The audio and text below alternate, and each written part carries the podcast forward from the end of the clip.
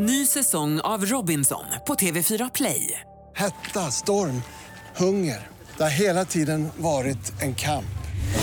Nu är det blod och tårar. Fan händer just nu. Det. är Detta är inte okej. Robinson 2024, nu fucking kör vi! Streama söndag på TV4 Play. Då vill jag välkomna till Rockklassikerstudion eh, Joakim Brodén och Per Sundström från Sabaton. Tack så mycket. Tack, tack. Hur är det med er? Toppen. Ja, härligt att Ja, höra. det är kul att vara här och få vara hemma och prata svenska för en gångs skull. Ja, jag tänkte faktiskt börja, och jag skjuter ut den här frågan helt öppet, vem som helst får svara. Eh, Har Joakim gjort några fyllevad på senaste tiden med bandet? Eh, nej, inte alls. Jag lärde mig min läxa. Den hårda vägen. Vi har ju andra dock. Jag menar, rockklassikern Van Halen är ju bra. Ja. Den, den är ju från senaste turnén i alla fall. Och eh, det är ju ett vad. Det är ett vad som resulterade Som i resulterar i- att bandmedlemmar tatuerar varandra och att alla i bandet nu har en Van Halen-tatuering. Aha, all right. Så att, eh, ja, där kommer ju vår... På, på vaden har jag dessutom, så att det är ett vad. Ja, under, under fotsulan, ja. Usch. Ah, shit. Men, men alltså vadå, vad var det ni slog vad om då? Ja, det, var, det var sådär good feeling kväll. Lyssnade på, på Van Halen och två personer tyckte då att eh, ja, det här är ju vår, vår gitarrist Chris och vår trummis Hannes som bestämmer sig då för att Van Halen är just nu världens bästa band tycker de, just då. och eh, de ska då eh, komma överens om det och de ska då tatuera in en Van Halen-logo för det är ju jätteviktigt. Hannes har en massa tatueringar, han skulle kunna tatuera in praktiskt taget vad som helst. Men eh, Chris var lite mer, nah, vi tar det där sen någon gång. Mm. Han har alltså inga tatueringar sedan tidigare. Och, och Hannes låg ju på honom hela tiden. Nu måste du fixa det här, nu måste du fixa det här, annars jäklar. Och, och någonstans i det så försvann ju Hannes eh, några dagar iväg från en turné där han, eh, han tog ju föräldraledigt i några dagar. Och då kom vi överens om att nu gör vi eh, en hämnd på honom här, för han har ju stressat Chris hela tiden. Nu går vi allihopa in och tatuerar oss och sen ser vi till att vi lurar in honom och stänger in Hannes i någon sorts vad han lovar någonting ifall någon annan tatuerar Van Halen för honom. Och eh, vi, vi hade ju en bra masterplan på det där. Men eh, det var ju en person som råkade ta av sig tröjan och visa sin nya ryggtavla. När Hannes råkade se det. Så det, det, det, Det blev lite fel. det, det kom ut fel. Vi hann liksom aldrig få in det där i hörnet. För meningen var ju att, att vi skulle bryta in när de två hade sin fight om när den här Van Halen-tatueringen skulle göras. Så skulle ju då eh, någon annan då, eh, kanske jag skulle då komma in lite spontant och säga ja nu får ni fan fixa det här för annars går jag och fixar den först. Och då måste ni fixa två eller tre eller fyra Van Halen-tatueringar om jag gör den först. Och då skulle de tro att det kommer jag aldrig göra så att jag går med på det vadet. Och då, då kunde man liksom Haha!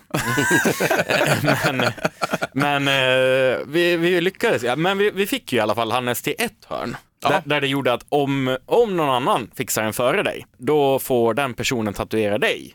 Och det var, det, ja, ja, sa han. Sen var det ju, vart det ju helt fel med det, för vi fixade ju, vi var ju i Kanada på turné och då sprang jag in, då var det en tatuerare bredvid. Och då sprang jag in, hej, vår, vår gitarrist, eller vi måste tatuera vår trummis, var det.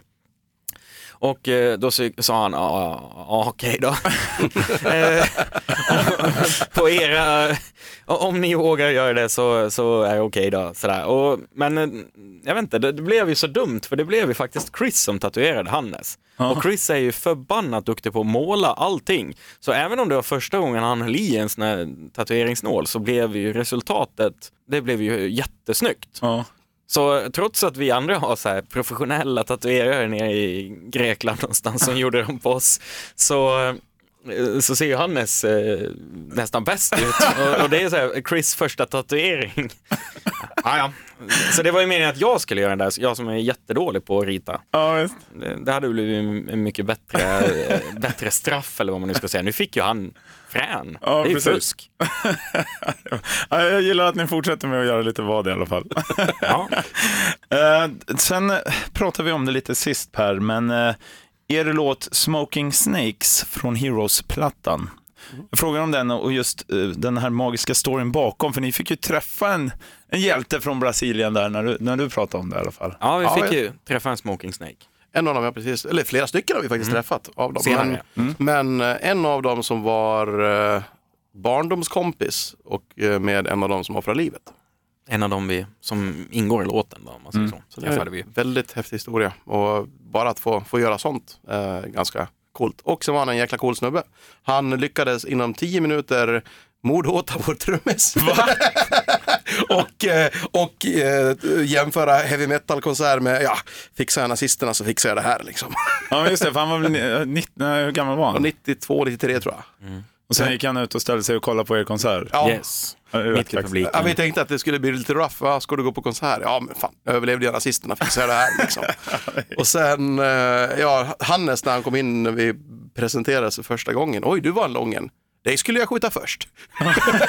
Ja, du, du, du klarar det inte länge. Jag med min, eh, när jag får upp dig i scopen då är det tack och hej. Liksom. Han, han skojade ju med dig om, eh, om din ehm, Väst. väst också där med att han, ah, det är inte bulletproof det här eller. jag, jag knäpper dig också. Bara, Okej, tjena. Så att, eh, nej, han var, men, men det där ger lite grann, de där mötena, det är inte första gången heller och eh, antagligen inte sista gången vi träffar veteraner. Och eh, vad, vad gäller när vi får göra sådana saker och när vi får deras så här, jag gillar det ni gör, Mm. så betyder det ganska mycket. För det finns en del människor som inte gillar det vi gör, som tycker att vi är någon sorts eh, de, de här är ute och, och, och tycker att krig är tufft och ballt och, och de eh, gör ditten och datten och så. Och när man tittar till just sådana där saker så har vi aldrig någonsin träffat en veteran eller en överlevande till någon veteran eller någon museiintendent, historiker eller någon annan som har varit i det området som inte har tyckt att det vi gör är toppen. Det är ju det är inte så svårt egentligen att eh, om man ska jämföra det så gör ju vi, eh, vi gör samma sak som ett museum fast i en annan pak paketering. Vi eh, ser till att en del av historien behålls och berättas och eh, vi gör den attraktiv för en del hårdrockare kanske. Eh, de som inte vill läsa en bok kan lyssna på en hårdrockslåt och sen titta på Sabaton History Channel. Medan andra kanske avskyr hårdrock och då kommer de aldrig lära sig någonting av oss. Mick Mikaeli från Europe, han hade en fråga till er faktiskt just som handlar lite om det. Hur, hur bra ni var själva när ni pluggade på historia. Inte så särskilt. Jag tycker att det är så extremt puckat system, eller skolsystemet, hur man lär ut historia. Om man nu tar första världskriget som exempel och så tittar man i historiebok. Det är ju så utzoomat när du tittar på stora nationsnivån. Liksom. Att, ja, men den här, det här skottet, Sarajevo, självklart, det är med. Men sen så är det att de här var allierade med dem och därför gick de här i krig. Och det är ju så, till och med jag som gillar historia är ointresserad när jag pratar om det liksom, egentligen. Men om du kokar ner det på en direkt personlig nivå, ta T.E. Lawrence, Lawrence of Arabia. Börja med den storyn. Oj, vad gjorde den här killen i Arabien? Jo, han var sambandsofficer mellan brittiska och eh, arabrevolten. Jaha, arabrevolten. Och så börjar man berätta lite stories om ja, vad ska man säga, belägringen av Medina, nästan födseln av modern gerillakrigsföring. Hela det här. Och det är klart, vem som helst som är någorlunda eller intresserad av en bra story är ju nu fångad. Och är man då kanske 10-12 år så upptäcker man, jaha, men vilka slogs de emot? Ja, men de slogs mot Ottomanska imperiet. Oj, Ottomanska imperiet, vad är det här för någonting? Och automatiskt så får du den här utzoomningen då och den större, större blicken, men du är redan intresserad. Så att, eh, ja, eh, svenska skolsystemet, gör om, gör rätt! Men det, det är ju på många sätt är det ju så. Alltså man måste ju börja någonstans där det är attraktivt. Eh, attraktivt för den som ska ta åt sig. Och för oss som berättar. Ja, så är det ju också. Det, det måste vara intressant för oss för att vi ska kunna berätta det vidare till någon annan som tycker att det är intressant. Men ja, eh, att berätta en historia via en låt, det är ingenting nytt. Eh, men det har bevisat sig fungera förut. Och eh, det är ett komplement till att berätta det via en bok, via en film, via ett dataspel eller via ett museum eller ja, rakt ut personligen som en historia. Ni har ju, ja, allt med, som ni sa, History Channel nu som eh, startade i år. Eh, ni har eh, ja, kryssning, festival vill jag komma till där. Nu har ju en egen festival också. Eh, Sabaton Open Air som är mellan den 14 och 17 augusti. Eh, och jag tänkte, om ni har några egna festivalminnen, gick ni på festival själva innan ni började lira på festivaler så att säga? Absolut. Oh ja. Har ni några, något bra minne från den tiden eller något roligt? Vilka festivaler gick ni på? Ja, Per har ju varit ganska driven från dag ett om man säger så. Han har ju tjatat på, du kan ju fråga arrangörer på till exempel Sweden Rock Festival att han har ju stått där med, med demos en gång eh, i handen och sagt att bara så du vet, vi ska spela på er festival och vi, en dag kommer vi headlina liksom. och de skrattar väl kanske lite åt han men eh, sen kom 2016 och då skrattar de inte längre. Nej, så är det ju. Och vi, vi hade ju en stor festival i grannbyn som, eh, som såklart har eh, spelat en roll för, för oss. Jag menar, både som arrangörer och som artister och som privatpersoner. Det är Peace and Love, där, där, där har vi varit och sprungit en hel del gånger och, och gjort en del. Eh, så att den, den har ju funnits längre än vad, vad vår festival har funnits, om man säger så. Men eh, rockfestivaler, så, ja, Sweden Rock eh, var ju där i elva år innan vi, innan, innan vi inte kunde vara där för att vi var någon annanstans och spelade. Men, eh, och Vacken har man ju varit på innan, eh, innan vi började spela också. Ja, bra att du nämner det, för ni ska ju lira där i år också innan eh, er festival drar igång. Eh, jag har ju aldrig varit där, man har ju hört så otroligt mycket om det. Och kan ni berätta för de som inte har varit där, vad är det som är så jäkla speciellt med just Vacken? Liksom? Det, det finns ju en viss känsla när man kommer in i byn då, om man säger så. Att allting där har med hårdrock att göra. Du kan inte, det finns inte att det inte är en, en hårdrocks, eh, hårdrockifierad sak.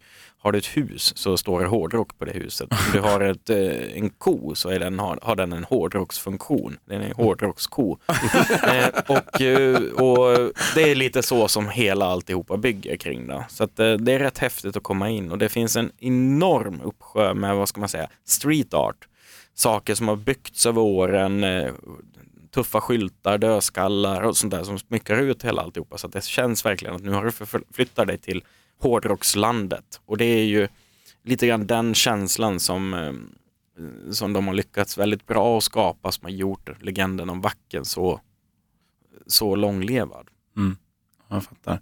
Och första chansen att få se er i år på hemmaplan är nu U-Rock i Umeå.